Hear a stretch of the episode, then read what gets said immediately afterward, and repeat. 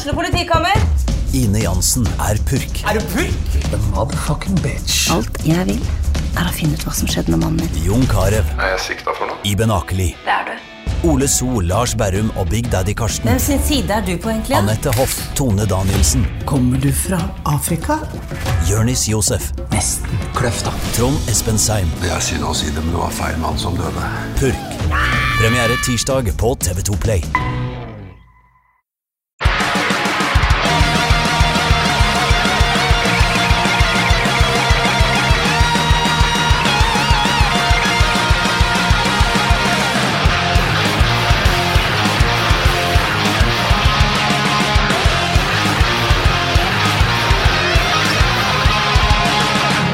Hei, og velkommen til nok en episode av Debrif med Dag. Denne episoden er sponsa av mykt dasspapir, for jeg er, som dere sikkert hører, jævlig forkjølt. Dette er vel dag fire med nedsylting, men første dag uten feber, da. Så det er bra. Jeg har vært, eh, vært sjuk siden lørdag, var det vel. Og jeg hadde et par sånne netter hvor jeg bare har ligget våken absolutt hele fuckings natta. Og ikke sove et sekund. Men du får hørt mye podkaster i, i løpet av hele natt. Det skal gudene vite.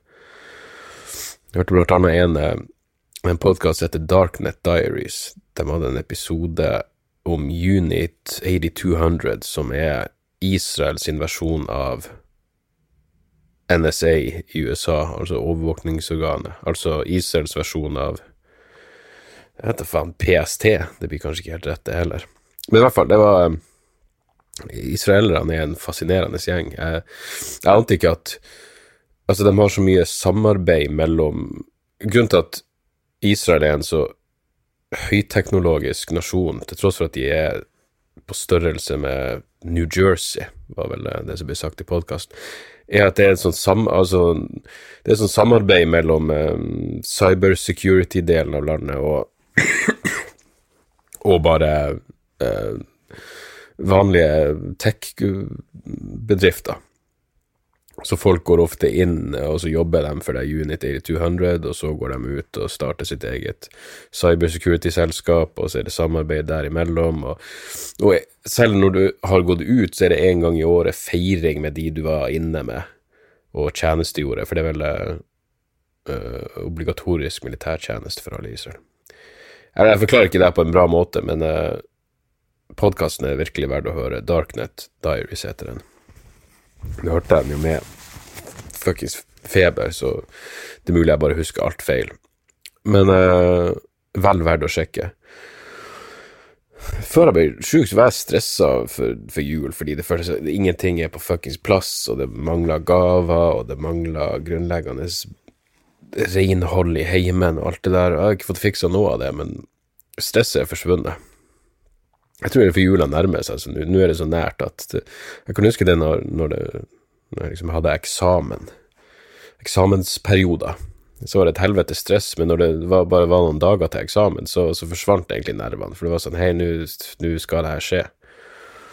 Så hvorfor stresse? Det, det blir å skje enten jeg vil eller ikke. Jeg lurer egentlig på om det er sånn det er med døden også. Hvis man ligger for døden, at til slutt så slutter man bare å stresse fordi du tenker at Nei, det her kommer uansett. Um, jeg fikk jo heller ikke spilt inn uh, Dialogisk-podkasten på mandag, sånn som vi vanligvis gjør, fordi jeg var sjuk.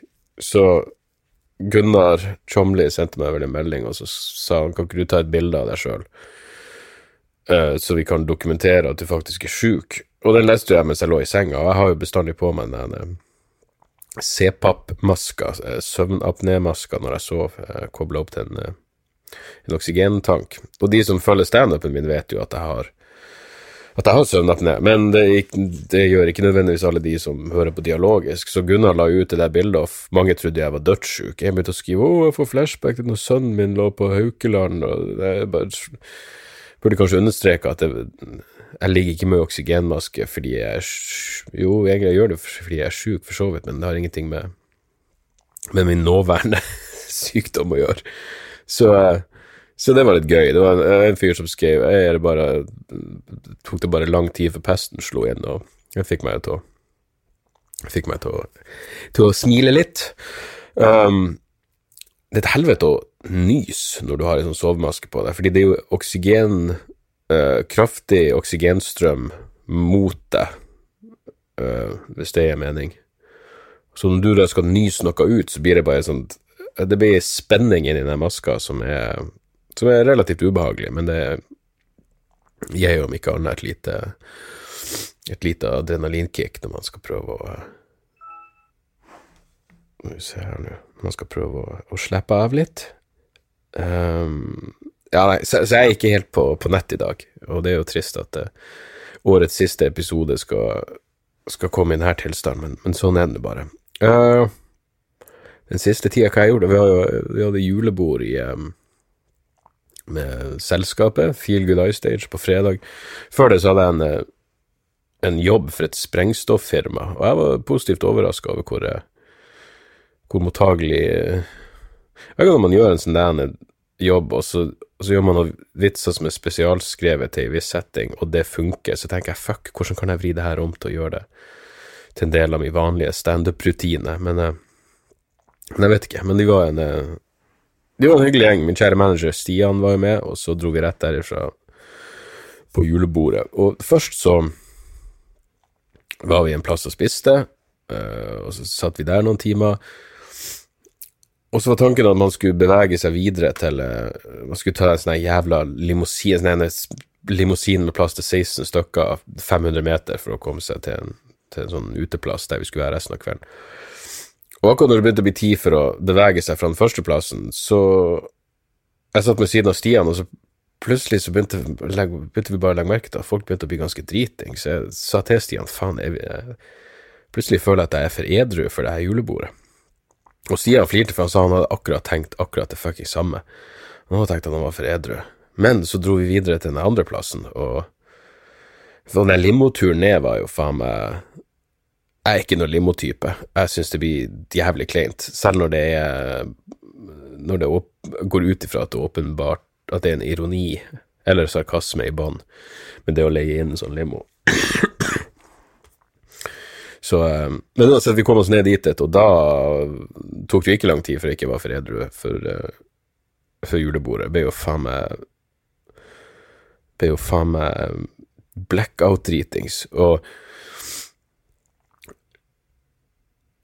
og, og såpass full at når jeg da skulle stikke i tretida, så jeg tror det tok meg Det tok i hvert fall to, muligens Jeg stoppa muligens tre taxier og satte meg inn uh, før jeg klarte å forklare hvor jeg bodde, før jeg huska min egen jævla adresse. Så jeg, måtte, jeg, gikk inn i to taxier, og så måtte jeg bare gå ut igjen, for jeg kom faen ikke på hvor jeg skulle henne.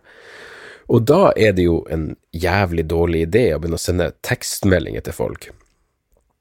Sender ut en melding hvor blant annet sto 'Jeg er så jævla lei av det pisset'. Ja, når jeg sender det til noen som var på julebordet, så skjønner de vel konteksten at lei av det her pisset betyr vel bare at jeg er lei av meg sjøl, som er fullt forståelig i dette tilfellet fordi jeg er en dritings idiot. Men når du sender en melding klokka 2.56 til noen som ikke vet hvor du er hen, at du er lei av det pisset, så høres du jo fuckings suicidal ut, og så må du begynne å ordne opp i det her jævla styret dagen etterpå. Så ja, det, det var da bare totalt fyllenervesammenbrudd dagen etterpå, og uh, ja Øh, ikke bra, så øh, det blir rolig. Det har vært rolig siden da. Det er også fordi jeg har vært sjuk, men øh, det, det, det, blir rolig. Det blir rolig jul, for å si det, å si det jævlig mildt. Men så så denne saken med Asker-ordføreren som hadde mista ordførerbeltet etter julebordfeiringa. Jeg tenkte det setter mine fulle perspektiv. Jeg har bare mista selvrespekten min. Jeg minst ikke mista beltet mitt. Jeg tror det som skjedde, var at jeg, jeg, jeg kommer, noe av det siste jeg kan huske, at noen satt og prata, og så prøvde jeg å si et eller annet som i mitt hode var morsomt, og så hadde, fikk det ingen respons. Jeg tror til og med noen så på meg som jeg var et rasshold. Da er det nok til at jeg tenker å shit, nå var jeg fucked up, og hadde ingenting konstruktivt å komme med i det hele tatt. Så um, sånn er det. Da er det bare å gå i seg sjøl og forhåpentligvis komme ut en bedre mann på den andre sida, som så mange ganger før.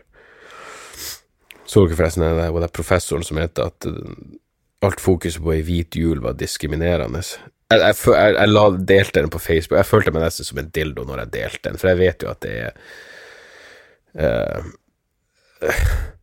Sånne ting er jo Altså, jeg hadde ikke lest den originale kronikken, jeg bare så NRK det hadde en artikkel om denne kronikken, og selvfølgelig er det jo lagd bare for at vi skal fyre oss opp og dele det, og så gjorde jeg det faen meg, men det, den var bare så eksepsjonelt idiotisk. Det var Anne Kalvig.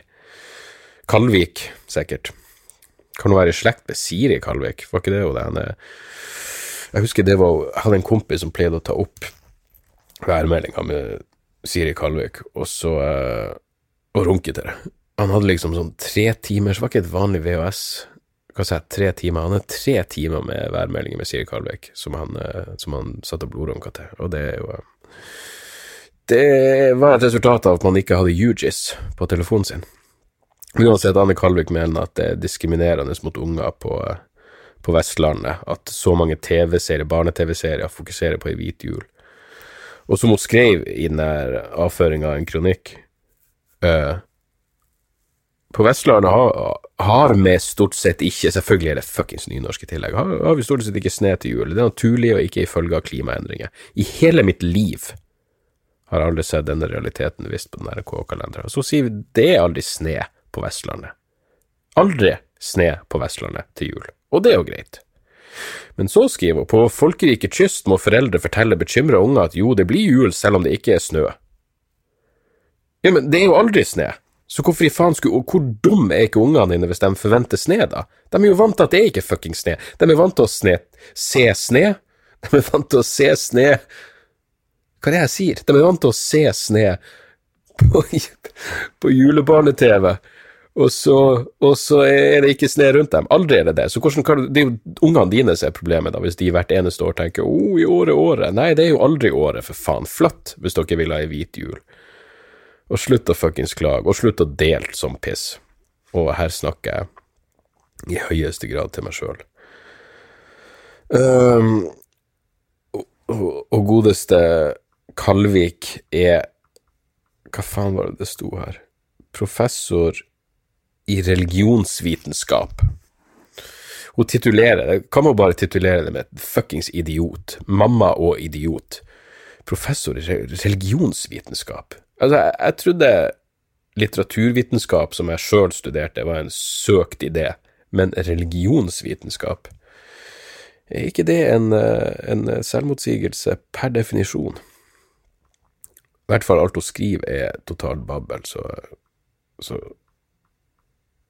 hvem faen vet? Skal vi se, det var et eller annet med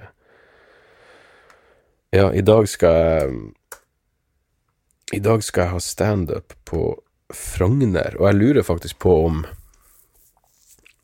uh, Første gangen jeg hadde standup i Oslo, så var det på en plass som heter Lille i Oslo, som er reiste komikerklubb drev. Og For det første husker jeg at Jonny, som styrer klubben Jeg bodde jo i Trondheim da, og før jeg fikk stå der, så måtte jeg skrive ut uh, settlista Ikke bare settlista mi, men det jeg måtte skrive ut vitsene mine og maile det til Jonny. Og når jeg skriver maile, så mener jeg ikke maile som i hei, la oss gå inn på gmail. Nei, jeg måtte, sende, jeg måtte skrive det ut på og sende det per brevpost. Det tror jeg fortsatt man må for å nå Jonny. Men um, Så jeg sendte han et brev med det jeg hadde tenkt å si. Og så, som en fuckings idiotisk idé, for hva faen er morsomt når du leser det på arket? Jeg kan ikke se for meg at uansett de, de, de, de færreste ting virker morsomt når du bare leser dem på et ark. Men um, fordi det er ikke skrevet for å være morsomt på et ark, det er skrevet for å være muntlig. ikke sant? Men uansett, jeg, Jonny leste tydeligvis ikke det jævla brevet, så jeg fikk nå stå der, og helvete, det var en sykt rå klubb.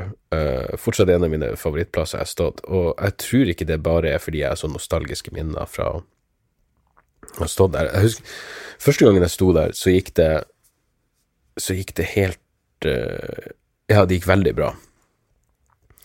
Og andre gangen jeg sto der, så husker jeg at jeg hadde Jeg hadde det som nå er kona mi med, men hun var ikke kona mi da. Jeg var bare øh, eksepsjonelt forelska i henne. Og jeg tror ikke følelsen var Følelsen var åpenbart ikke gjensidig. Og så husker jeg at vi, vi, kom, vi kom på Lille, og så så det her var andre gangen. Første gangen vi sto på Lille, så tror jeg hun var der, og det gikk veldig bra. Andre gangen uh, Jeg reiser nedover til Oslo for å stå på Lille på nytt, og um, for det første Altså, jeg har, jeg har Anne Marie med, da.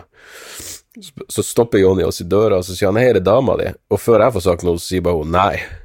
Og det var jo en fuckings uh, machete rett inn i hjertet mitt, bare det.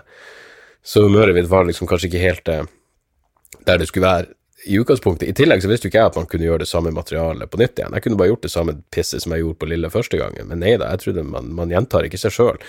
Det- det skal sies, det er en av grunnene til at jeg er en produktiv komiker. I starten så trodde jeg det var sånn, jeg trodde ikke man gjorde materialet på nytt igjen. Så hver gang jeg sto, så hadde jeg bare nye ting. Men i hvert fall de nye tingene jeg hadde, funka jo ikke i det hele tatt, og det var jo ei jævla Nagasaki-bombing av dimensjoner. Ingenting funka. Jeg sto og la ut om nekrofili, det, det, det var så stille. Og um, Og jeg var en slagen mann, selvfølgelig.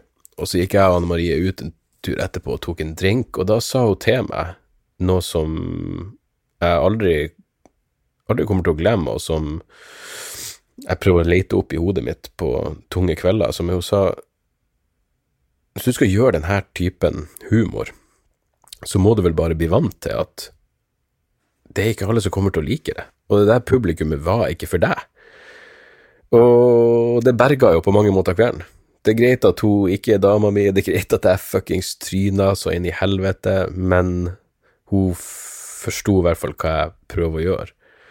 Tydeligvis bedre enn jeg gjorde. Så det um, Det berga akkurat det. Det berga akkurat den kvelden. Poenget mitt er, i kveld skal jeg stå på Beklager. I kveld skal jeg stå på Bygdøy allé 3 eller 30, jeg husker ikke. Det er visst en det heter ikke Lille lenger, men jeg lurer på om det er den samme plassen.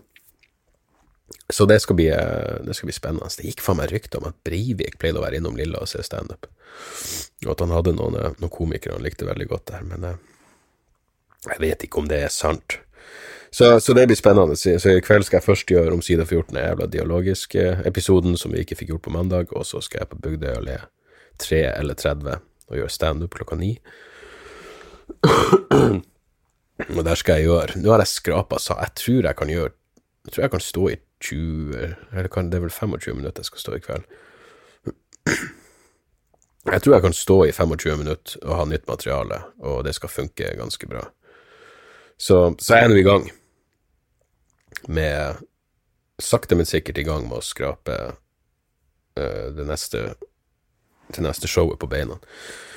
Um, så ja. Ellers så har det hopa seg. Jeg hadde lyst til å få unnagjort de mailene som liksom er Som jeg ikke har fått tatt Ja, de fleste er jo kommet siden sist. eh. Ja, jeg har litt lyst til å få unna noen mailer, siden dette er årets siste episode. Um, så vi kan jo bare ta den delen. Uh, rastløshet, skriver Joar. Uh, han spør i bunn og grunn bare hva gir du på mens du høyrer podkasts? Um, ja, så er det noe greier. Du, Joar, hva gjør jeg ikke når jeg uh, hører podkaster? Jeg prøver å komme på om det er noe jeg ikke gjør mens jeg hører podkaster. Det må være eh, Altså, jeg, jeg, jeg hører på podkaster når jeg gjør alt, inkludert dusje. Jeg har en sånn vanntett høyttaler hengende i, i dusjen, så jeg hører stort sett på podkaster. Det er vel eh, å på si samleie, og hvis man eh, Eller jeg, jeg hører på podkaster hele tida. Hele jævla tida. Det er såpass mye å komme seg gjennom. Og så kan du legge til lydbøker og faenskap, og så er det jo Det går utover musikklyttinga, men eh, men ja, det er, jeg hører podkast hele tida. Går tur med bikkja, tømmer oppvaskmaskin. Ofte hører jeg på en podkast idet jeg sovner. Uh, ja, nei. Det, det er virkelig blitt en uh, en uh, uvurderlig del av, av, eh, av livet. Og så er det jo så inn i helvete sinnssykt mye bra der ute at hvordan kan man ikke høre på podkast hele tida? Det eneste er at jeg, jeg, jeg skal prøve å skjerpe meg med å bare sitte og høre på podkaster når jeg egentlig burde lese noe, fordi det er faen meg viktig å holde det ved like også. Så det er mitt nyttårsforsett. Les mer og, og uh, ikke nødvendigvis høre mindre på podkaster, men være litt mer strukturert på akkurat det der. Så jeg har faen meg lyst til å Som, som jeg vel nevnte en gang, jeg har jo den Waking Up-meditasjonsappen til Sam Harris. Uh, det, det er jo sånn guided meditation, så det, det er liksom bare Sett inn ørepluggene, og så bare følge instruksjonene. Så jeg prøvde én hvor jeg bare satt på sofaen, og når jeg satt meg bak og prøvde å fokusere på pusten min, så begynte jo bikkja og Morty Dog begynte å fuckings bite på tærne mine eller et eller annet. Og jeg merka at fordi jeg prøvde å være i det, mod, det meditative moduset, så bare klikka jeg. Jeg hadde ikke en meditativ respons på eh, ekstern stimuli, for å si det mildt. Så jeg må gjøre det der et, eh, et nytt forsøk under eh, mer passende omstendigheter. Men ja, jeg hører på podkaster absolutt hele tida. Så faktisk sånn at jeg av og til må være bevisst på å bare gjøre noe uten å ha noe på ørene. Um, mm, mm, mm. Nina skriver Hei, jeg har lyttet meg gjennom de tre første episodene av podkasten din. Jeg har aldri vært noen trofast podkastlytter før, da jeg rett og slett er for rastløs, men din digger jeg. Den er veldig godt egnet sammen med strikketøy, utrolig nok. Strikketøy? Ja, nevnte jeg at jeg hører på podkaster mens jeg strikker? Selvfølgelig gjør jeg det. Uansett, Nina skriver videre, jeg liker så godt at ingenting er for ille til å kødde med. Da eldstejenta vår døde uventa i fjor, ble nok mange overrasket av at vi etter kort stund omtalte dette med relativt mye svart humor. Men hva skal man gjøre, liksom? Jeg kjente meg derfor godt igjen i det du sa om at det er noe forløsende med humor i sånne jævlige situasjoner. Og det ble jo også enklere for dem rundt oss som sikkert forsto at det ikke var nødvendig å liste seg rundt på tå rundt oss og veie alle sine ord. Humor er bra, gleder meg til å lytte med gjennom resten av episodene som ligger ute her. Amen, Nina, hva faen annet kan jeg si enn amen, og, eh, og jeg setter pris på Jeg setter pris på å høre det, og jeg håper alt går, går bra med dere. Um,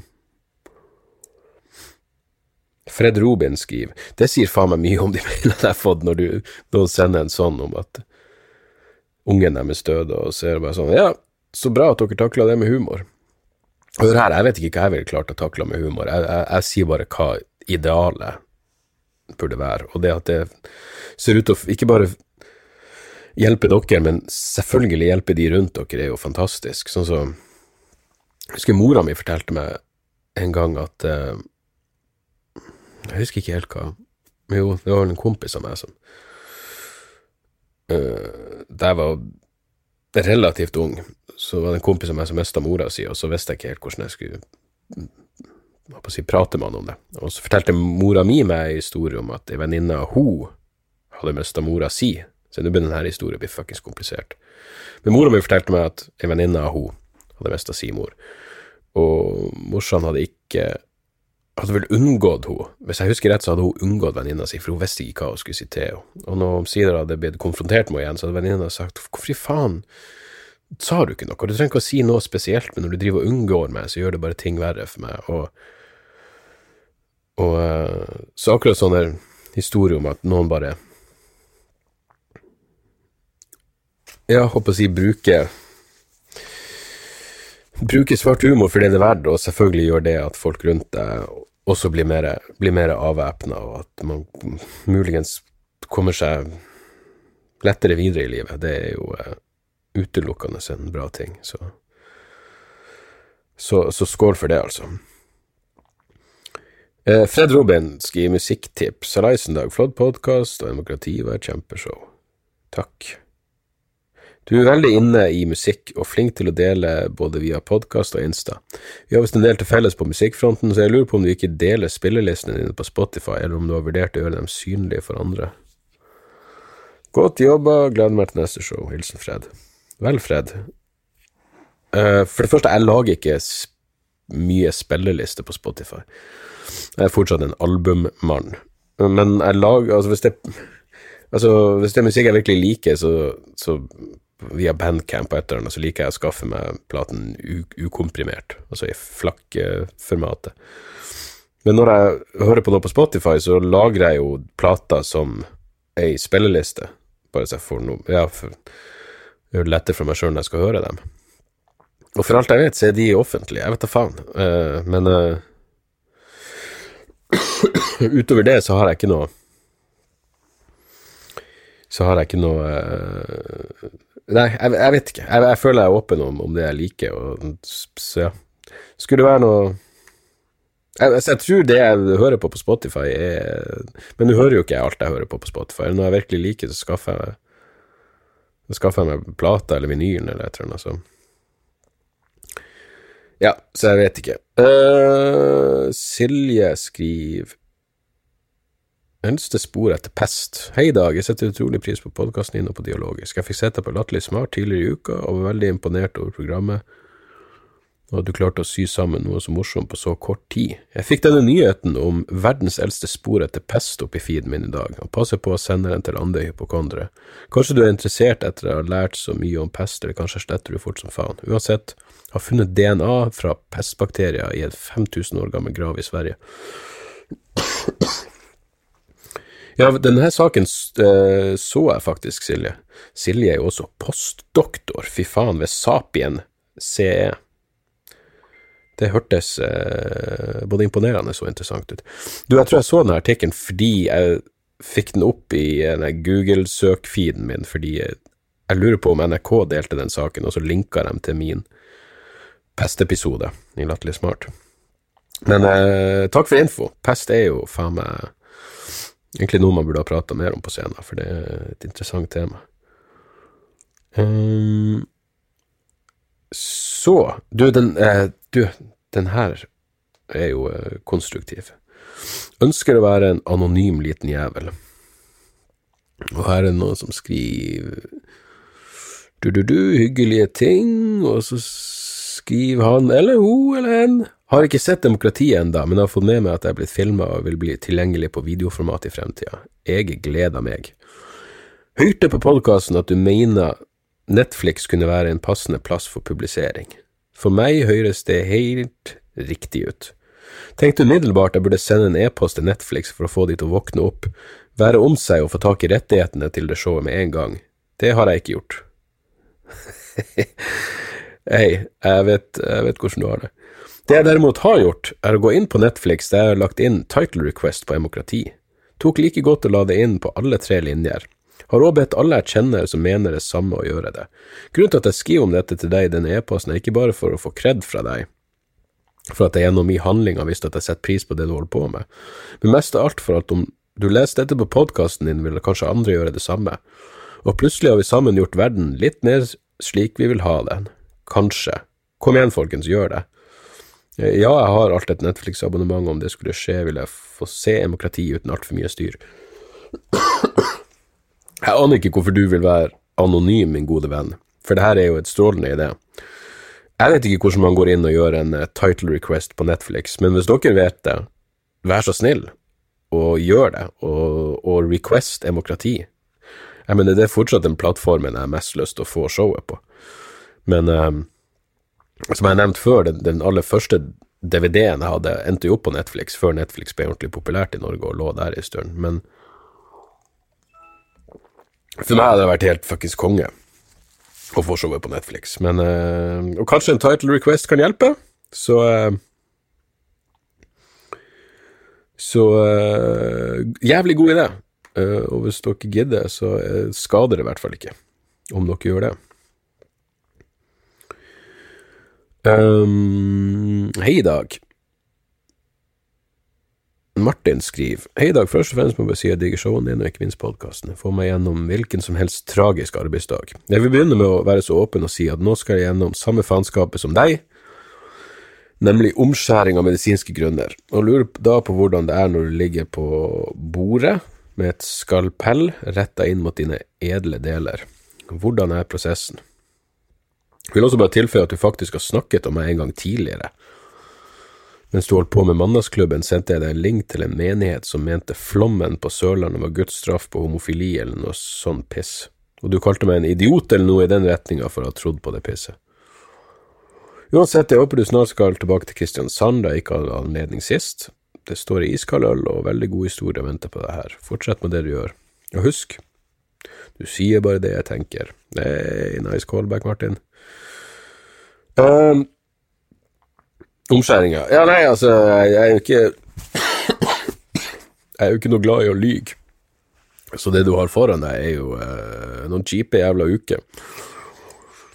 Men eh, det er absolutt verdt det. Altså, når du ligger der, så eh, Jeg vet ikke, jeg, det her var jo det, det er så mange år siden. Det er jo faen meg over 20 år siden det her. Eller, ja, det er vel rundt 20 år siden det her. Jeg gikk gjennom det her, og jeg var vel en litt annen person. Jeg var ikke som stressa med det i utgangspunktet, men jeg hadde jo grua meg. Helt siden jeg skjønte hva som hva som måtte skje, enten jeg ville eller ikke. Men uh, Nei, du, altså, du, du, du får jo en bedøvelse og så, så kjenner du ikke noe før Det kan selvfølgelig an på Jeg fikk vel gjort på dagtid en gang, og så uh, først på kvelden, når, når bedøvelsen begynner å gå ut, så, så har du noen kjipe, noen kjipe, dager foran. Jeg husker noe av det verste var når jeg våkna øh, Fordi du, du får jo, som du alltid får, ståkuk i løpet av natta. Men i starten så vil jo det at øh, kuken blir større, presse noe jævlig på stingene. Så jeg husker at jeg våkna hele tida hver gang jeg begynte å få ståkuk. Så du må bare unngå seksuelle tanker i, i lang, lang Eller lang, lang tid. Jeg venta vel ikke så lenge før jeg Før jeg runka selv etter det inngrepet. Men, uh, men det er bare å, å, la det gå over, og ikke, bli, ikke freake ut sånn som jeg gjorde når Første kvelden så gjorde jeg jo den store tabben av å bare se ned på på resultatet, og det var jo bare en svær blodklump. Eh, så jeg anbefaler ikke se, bare drøy litt før du ser. Lukk igjen øynene når du pisser, og bare Det er mulig jeg har fortrengt mye av det, for jeg husker egentlig ikke så mye av det, men du får veiledning, og du får hjelp, og uh, Men som jeg, la, som jeg sikkert har nevnt tidligere, jeg gjorde tabben å se. Se ned på blodklumpen, ringe mora mi og freake hun ut, og så dro jeg tilbake til sykehuset dagen etterpå, og så fikk jeg en eller annen jypling av en fuckings sadistisk, inhuman jævla demon av en ung lege, som da skulle se på resultatet, og som trakk ut kuken min. Og jeg var altså så nært som jeg noen gang har vært, å svime av. Og han sa noe sånt som 'må du ikke være pinglete'? Jeg være pinglete?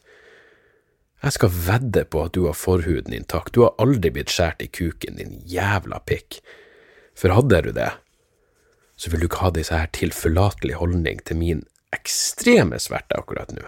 Pinglete, jeg er jo et fuckings overmenneske for at ikke jeg flyr på deg, skjærer over strupen din for det du akkurat gjorde mot meg. Så, um, så bare, bare, det kommer til å se jævlig ut en stund, men så til slutt så er ting grodd og fint, og du har et nytt og fint liv foran deg. Så eh, det, det, ordner seg, kompis. Min kjære Martin. Det kommer til å ordne seg helt fint og bli eh, riktig så bra.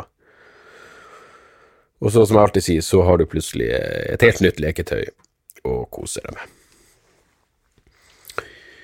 Uh, så er det en til, Martin, faktisk, som skriver 'Når Bibelen blandes inn i husreglene'. Fikk nylig et brev fra styret Her var det rett på sak. Fikk nylig et brev fra styret i borettslaget. Blant annet kom det frem regler for benyttelse av fellesvaskeriet i kjelleren. Se vedlagt bilde. Hva tenker du om innføring av vaskenekt på søndager, og hva hvis jeg får lyst til å vaske underbuksene mine 1. mai, eller om jeg ikke har rene sokker til andre påskedag? PS, digger deg som komiker og podkasten din, inkludert dialogisk. Fikk med meg to av dine demokratishow. Wow. Både i Moss og på Rockefeller i Oslo. Ses til neste show, soloshow også. Ha en meget god jul. Med vennlig hilsen Martin.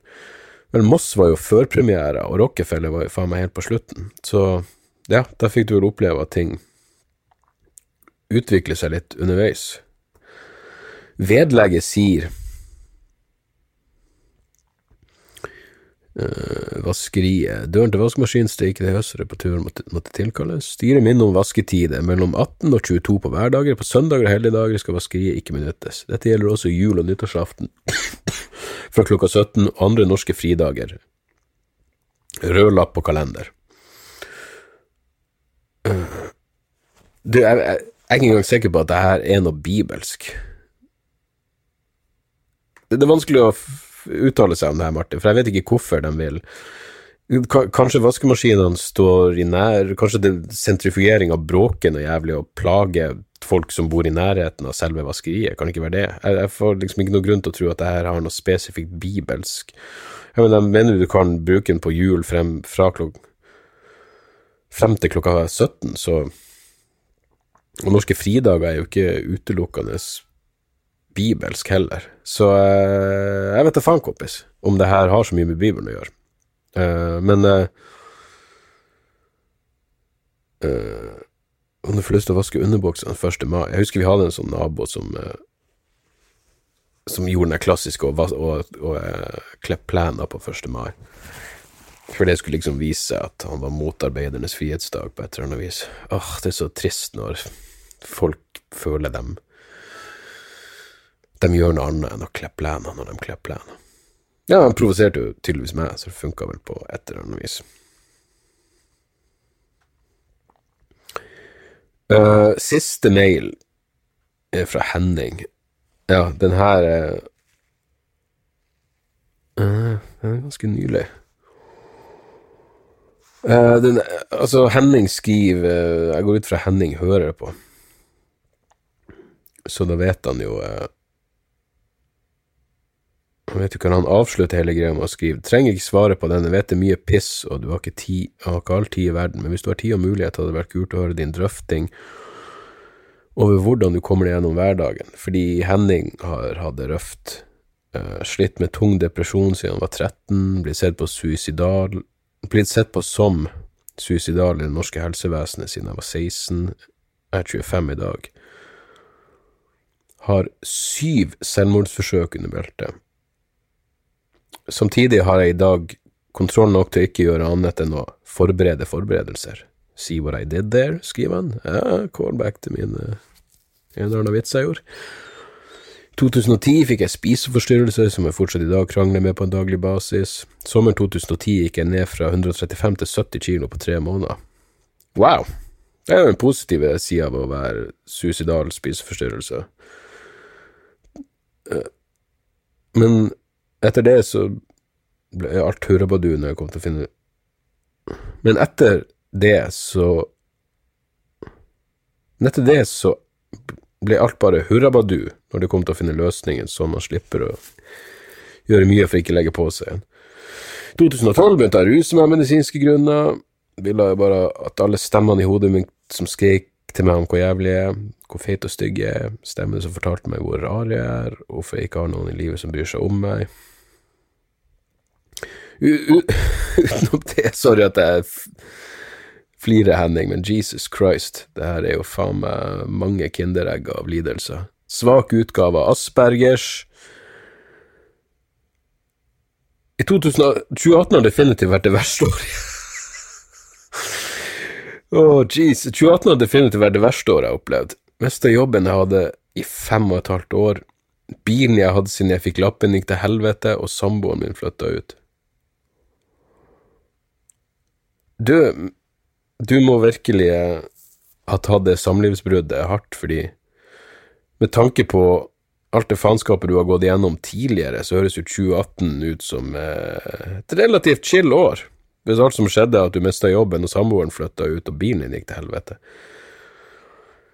Uh, det jeg egentlig vil frem til med dette, er at du kanskje kan snakke om hvordan man ikke skal la hver minste nedtur her i livet fucke opp hver, og hver minste ting det jeg egentlig vil frem til med dette, er om du kanskje kan snakke om hvordan man ikke skal la hver minste nedtur her i livet fucke opp hver minste ting i år fremover. Hva gjorde du for at ting og verden ble bedre, tolererbart å leve i? Det høres nesten ut som et anklagende spørsmål. Hva gjorde du for at verden skulle bli bedre? Du, eh, Henning, hvordan enn jævla marginale problemet jeg må ha hatt i livet, eh, blekner jo ærlig talt i forhold til det du åpenbart har gått igjennom.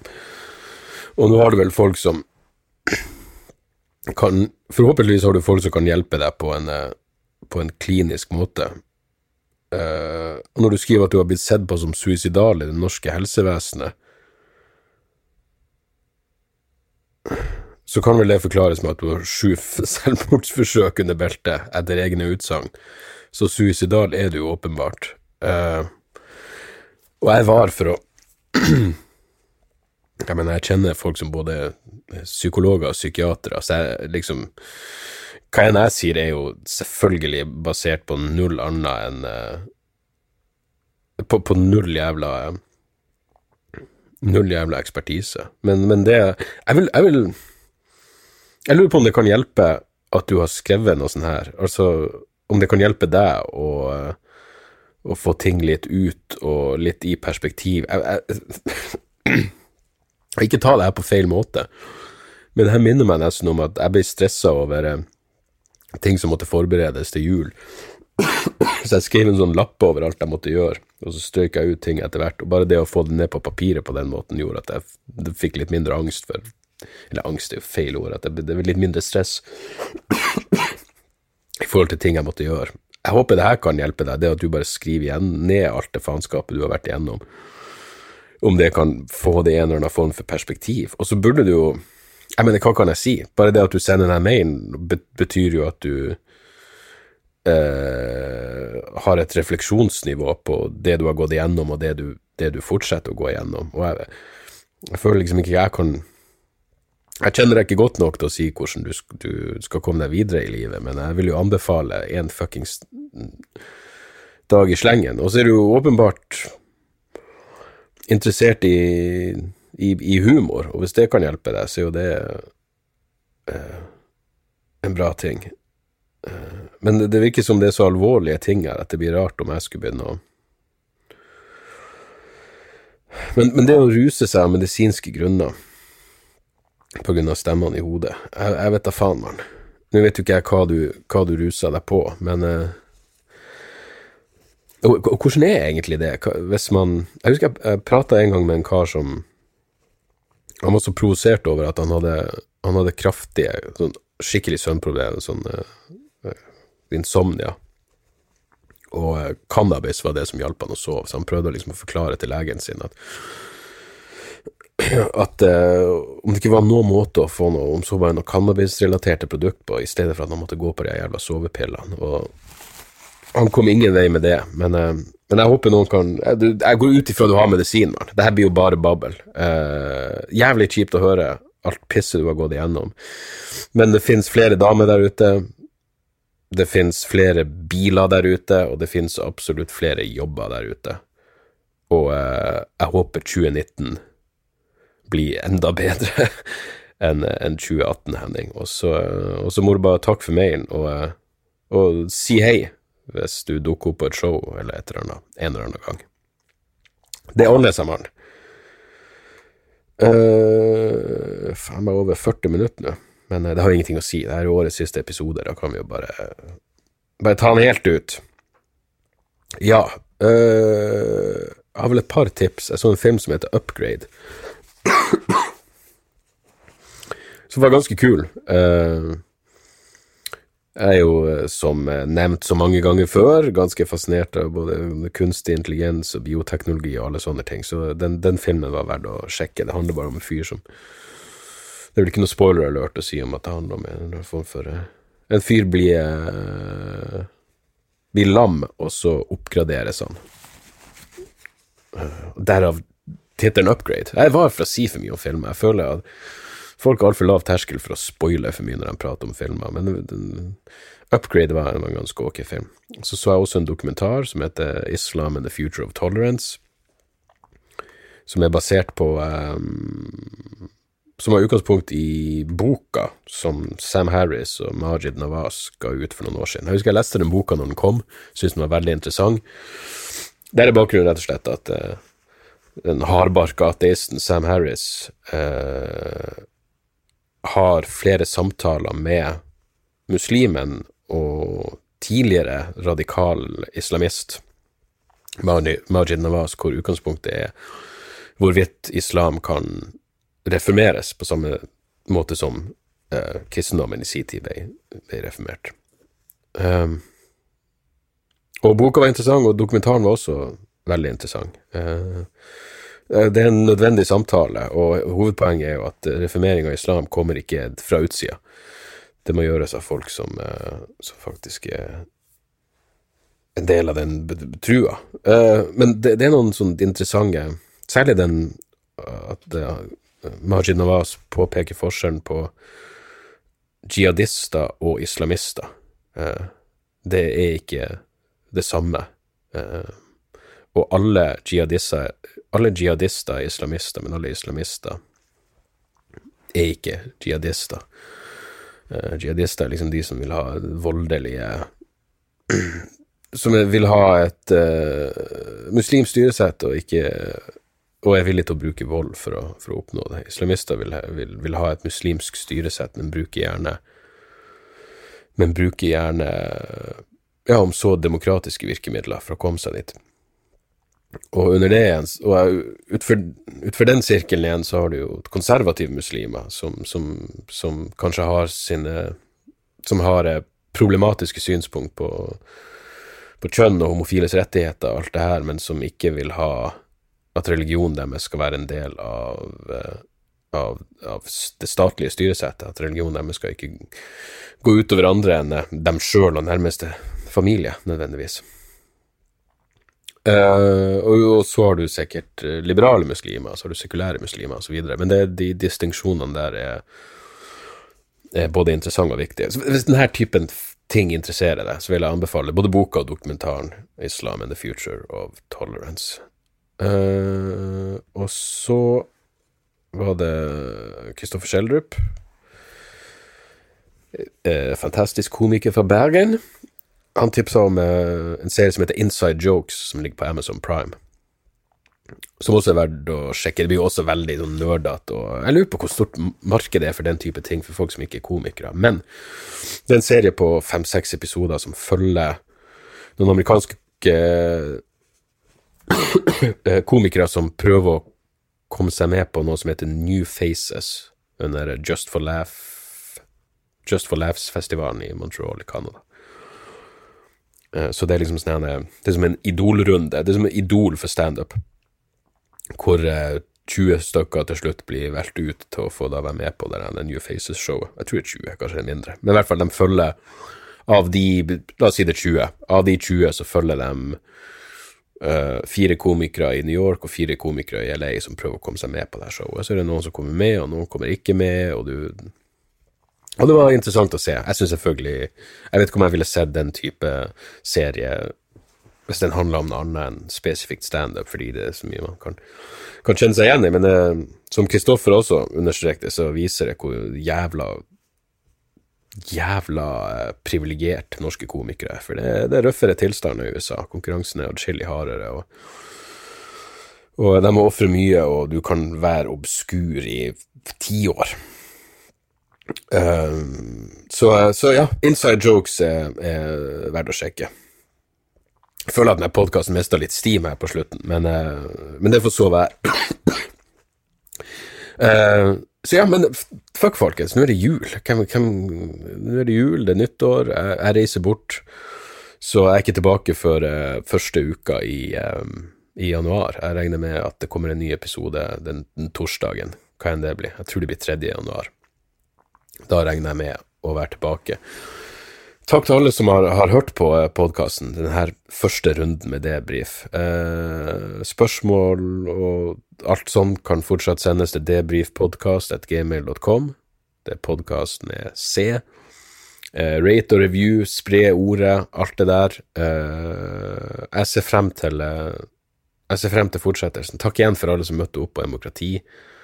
Eh, det, jeg, jeg, er motivert for å begynne å skrive For å begynne å starte hele den prosessen, prosessen om igjen. Så jeg er fuckings uh, glad i dere, folkens. Og uh, jeg håper både jul og nyttår og alt det der blir uh, blir alt dere måtte drømme om, og mere. Og så så høres vi igjen om noen uker. Nå skal jeg gå og snyte meg. Vi prates, folkens. One love! Og tjo og hei.